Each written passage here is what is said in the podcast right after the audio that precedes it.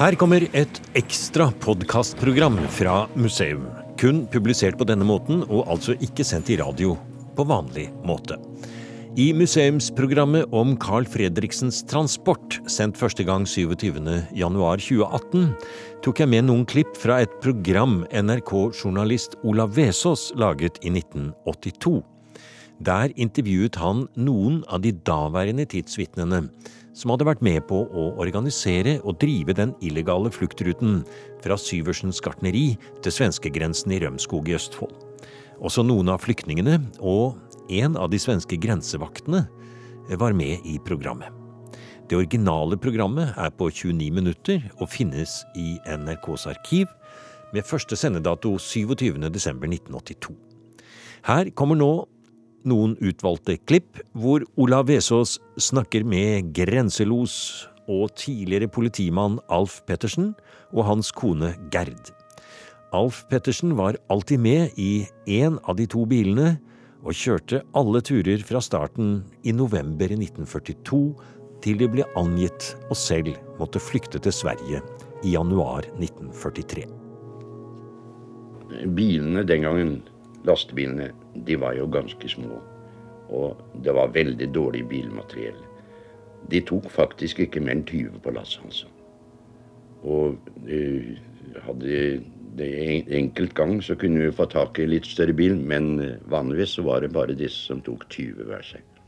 Og det var åpne lastebiler med lemmer og også presenning over? Ja. Det var bare slike biler vi brukte. Og vi hadde Vi kunne rekvirere det fra Maridalsveien 10. Transportformidlingen der de hadde vel noe sånt som en 180 lastebiler, så vidt jeg husker. Og um, det var Reidar Larsen som skaffet eh, skjemaene som vi brukte når vi skulle fylle ut kjøretillatelser osv. Han skaffet stempler, alt mulig. Og eh, han sto også for sammenkjøringen av flyktningene. Han var en drivende flink kar. Han har drevet med transport i all sin tid, og, og alt gikk veldig fint. Men det var du som hadde ansvaret for selve transporten? Ja, jeg kom opp med, med uh, lastebilene og fikk lempet flyktningene på. Og så måtte jeg kjøre, og jeg skulle helst da starte ved nitiden. Og jeg måtte prøve å følge klokka. For etter hvert som vi kjørte Vi kjørte på den måten at jeg kjørte jo nettopp der hvor vaktene sto. Og etter hvert som bilene kom til det stedet, så hadde lokaltjente folk sørget for å få vaktene unna på en eller annen måte. Men det var eh, forskjellige sjåfører da, hver natt. Hvordan kunne du stole fullt og helt på disse sjåførene? Det var eh, veldig, en veldig bra tone nede i Maridalsveien 10. Det var ikke en eneste nazist der. Og i, til å begynne med så tok vi noen av de modigste karene. Og etter hvert så ble det kjent at uh, Jeg sa jo det at turen var helt ufarlig. Det var jo ikke sant, men jeg sa det. Og etter hvert så ble det ikke så vanskelig å få noen til å kjøre oss. Du satt da i den første bilen? Ja. Og jeg måtte sitte hele tiden og følge med på om det var merker på veien som Enten det kunne hende at vi fikk stoppordre, bare stoppe litt og vente. Kanskje fikk vi beskjed om at vi måtte se å komme oss ut av veien. Hva slags merke kunne det være? Ja, det kunne være kvister eller noe i, i veien. Som Forskjellige ting som var lagt på bestemte måter. Og som vi da måtte se etter. Det var nemlig ingen trafikk på veiene den gangen. Vi møtte aldri biler. Det eneste bilen vi møtte, det var de gangene vi kom oss av veien og så tyskerne passere oss. Vi hadde mange tekniske uhell. Men det verste, det var ved ved Kjeller flyplass, ved hovedinngangen der. Vi kom kjørende der, og da begynte det å brenne i sekkene, knottsekkene som vi hadde på taket på førhuset. Og måtte stoppe, og vi fikk hevet ned sekkene. De måtte gå i en fart, før presenningen holdt på å brenne opp. Men vi fikk da sekkene ned, og tyskerne kom. Det var vel en 40-50 mann som kom løpende. Og jeg husker jeg Og de hjalp oss med å slukke, og de krabbet under bilene og dro frem knotten. Og Jeg husker jeg så etter en offiser, og omsider fikk jeg se en offiser som kom, og jeg hilste nazihilsen for en gangs skyld. Og, og snakket i vei. Og fortalte vi kjørte redskap og materiell for arbeidstjenesten. og og at du har vært utsatt for et uhell, men vi skulle selvsagt si å få slukket. Nei, det behøvde vi ikke, sa tyske offiseren. Hans norske kamerater kunne bare kjøre videre. Det, hans menn skulle ta seg av slukkingen. Og så jumpet vi inn i bilen og kjørte av gårde igjen. Og der lå det 40 personer på lasteplanen? Ja, 20 på hver bil. På den bilen jeg kjørte, og der det brant, der var det noen kvinner, og resten var barn. Og på den andre bilen var det to mannfolk, resten var kvinner og barn. Så Men vi kom oss av gårde. Det gikk bra. Hadde dere våpen på disse transportene? Ja, vi hadde våpen, men det var bare pistoler. Eh, de som eh, tilhørte organisasjonen og jobbet langs ruten, de hadde derimot eh, gode våpen. De hadde maskinpistoler og, og rifler. Så de var godt bevæpnet. Også karene som jobbet inne i byen, de var også De fleste av dem, tror jeg, var bevæpnet. Til og med Gerd var bevæpnet. Hun eh, gikk aldri ut uten Hun hadde en moffe, og i den moffen hadde hun bestandig pistolen liggende klar. For hun hadde bestemt seg for at om hun kom opp i noe, så skulle hun enten skyte seg ut eller skyte seg sjøl.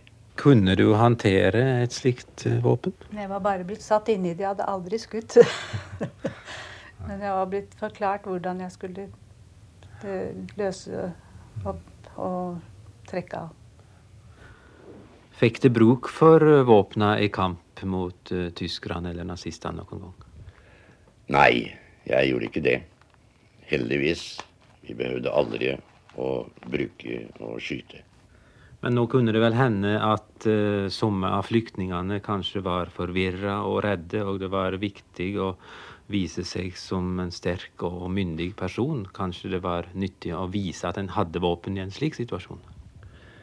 Ja, og det hendte jo at vi måtte slå ned flyktninger. Fordi de var rett og slett rebelske. Det, det hadde gått over styr for dem, altså. De var så nervøse at de visste ikke hva de gjorde. Og når de da ble hysteriske og ga seg til å skrike, så hadde vi bare én ting å gjøre, det var å slå dem ned. Men vi tok dem med til Sverige. Så det gikk bra i alle tilfeller. Men jeg husker en dame som jeg måtte slå ned en gang. Hun ga seg til å ildskrike på oppsamlingsstedet. Jeg måtte slå henne ned, og da vi kom inn til grensen, så kom hun bort og så sa hun at hun husket ingenting av det som har foregått. Men de andre flyktningene hadde fortalt henne det. Og hun uh, la armen omkring halsen min og takket meg for at jeg hadde tatt henne med likevel. Jeg sa det at uh, det skulle bare mangle at jeg ikke hadde gjort det. Hva for eh, rute kjørte dere? Uh, vi kjørte vanligvis oppover Trondheimsveien. Og kom via Kjellerhorn og, og Lillestrøm da, for, til Fettsund. Det hendte også at vi kjørte Strømsveien. Men den likte vi ikke så godt å kjøre. Og fra Fettsund så kjørte vi da over Løken, Hemnes, Skuldre, Kroksund og inn opp mot Rømskog og tok inn på eh, skogsveien ned til Ordreseter. Du satt da i den første bilen? Ja. Og jeg måtte sitte hele tiden og følge med på om det var merker på veien som Enten det kunne hende at vi fikk stoppordre, bare stoppe litt og vente. Kanskje fikk vi beskjed om at vi måtte se å komme oss ut av veien. Hva slags merke kunne det være? Ja, det kunne være kvister eller noe i, i veien. Som Forskjellige ting som var lagt på bestemte måter. Og som vi da måtte se etter. Det var nemlig ingen trafikk på veiene den gangen. Vi møtte aldri biler.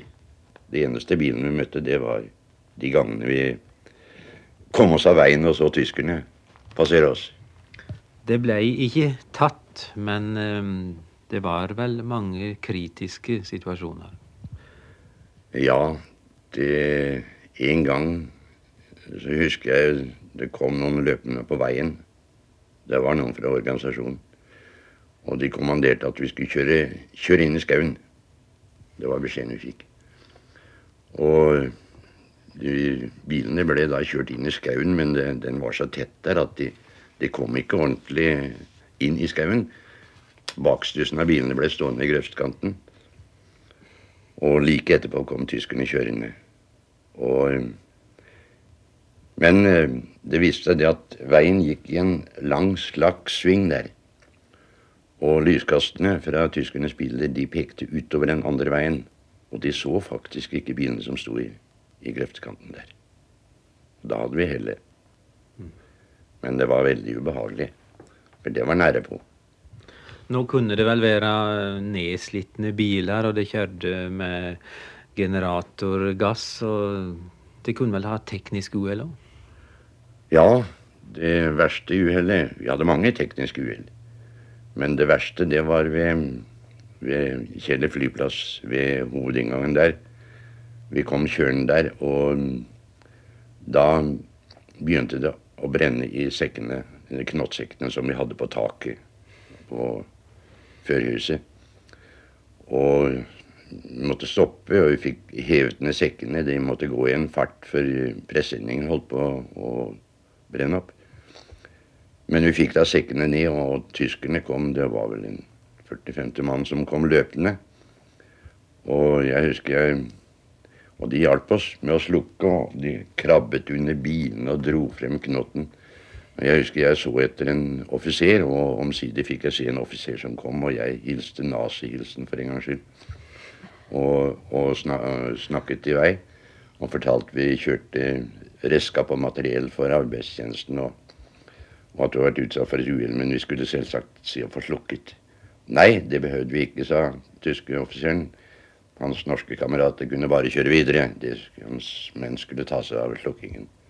Og så jumpet vi inn i bilen og kjørte av gårde igjen.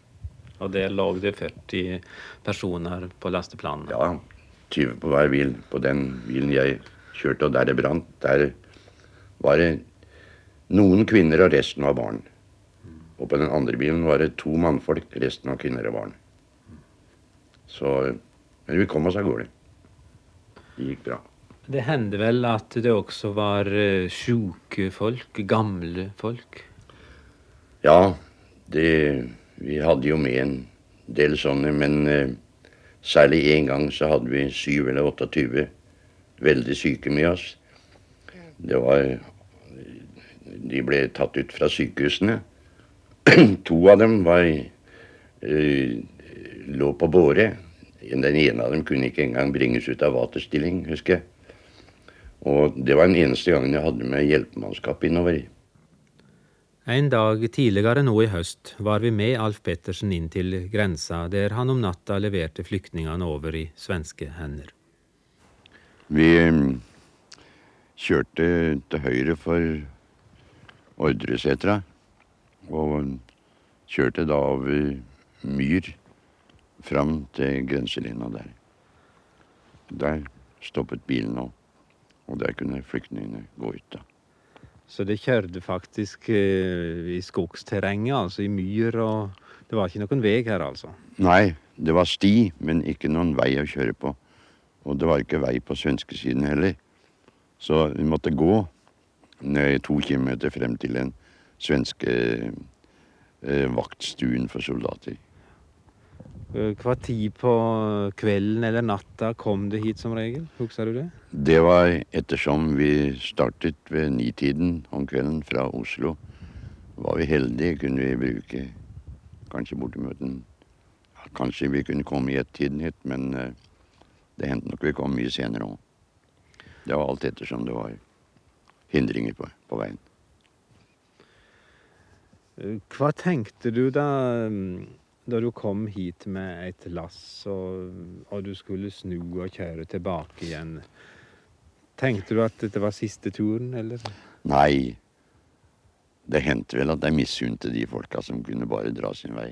Jeg skulle jo tilbake og hente ny vending. Det, det var ikke noe hyggelig. Hele tida så var det vel redde for at det skulle bli oppdaga at nettet skulle rakne en eller annen plass? Ja, det er klart at når eh, det var så mange hundre med i hjelpearbeidet, og det var så mange, mange hundre som skulle over, da er det klart at uh, vi måtte være forberedt på at en eller annen nazist kunne blande seg bort i det og snike seg inn på transporten. Og til slutt så greide de det også. Blant annet så kjørte jeg jo over et par gestapister som var med der. Og jeg skjønte da at nå fikk vi stoppe en stund. Og jeg hadde tenkt å gå i dekning, men så ba Reidar meg om å ta en siste tur. Og det ble til jeg gjorde det. Og da jeg kom hjem utpå formiddagen den 14., så var jeg så trett at jeg hadde ikke vett til å gå i dekning. Jeg gikk hjem og la meg. Og fem over halv ett så kom Gestapo og ringte på hos meg. Og de holdt på i 25 minutter, men jeg hørte ingenting, for jeg, jeg var dødstrett og lå og sov. Heldigvis så kom Rolf Syversen gående på gaten. Han så Gestapo-bilen. Og da den hadde kjørt De kjørte for oss å sette ut, hente vakter som skulle settes ut. Da den hadde kjørt, så kom han opp. Han hadde nøkkel til leiligheten. Og sammen med nabofruen Else Haugen så låste han seg inn i leiligheten min og fikk meg opp og fikk meg ut. Og jeg gikk så i dekning. Og natta etter, den 15. januar 1943, måtte Gerd og Alf Pettersen rømme til Sverige. Carl Fredriksens transport hadde da på vel en og en halv måned frakta over 1000 flyktninger. Krigens største redningsbragd, kaller historikeren Ragnar Ulstein denne innsatsen. Og la oss avslutte med to av de som vart berga, Bertha og Ben London. Det er en takknemlighet som fins inne hos oss, og som alltid kommer til å være der hele livet. Som når jeg ble konfrontert nå med Alf 40 år etter, så tenkte jeg det er 40 år. Da har man jo fått til skjenks takket være dette mennesket. Når vi straks etter krigen fikk kjennskap til hva som hadde hendt med over 700 jøder, venner, bekjente, til og med familie, så er det klart at vi som var blant de heldige og hadde mennesker som Alf Pettersen til å føre oss over, så er det helt åpenbart at eh, vi har all grunn til å være takknemlig for å faktisk ha fått et nytt liv. Dette var altså et utdrag fra NRKs arkiv fra et program Olav Vesaas laget i 1982.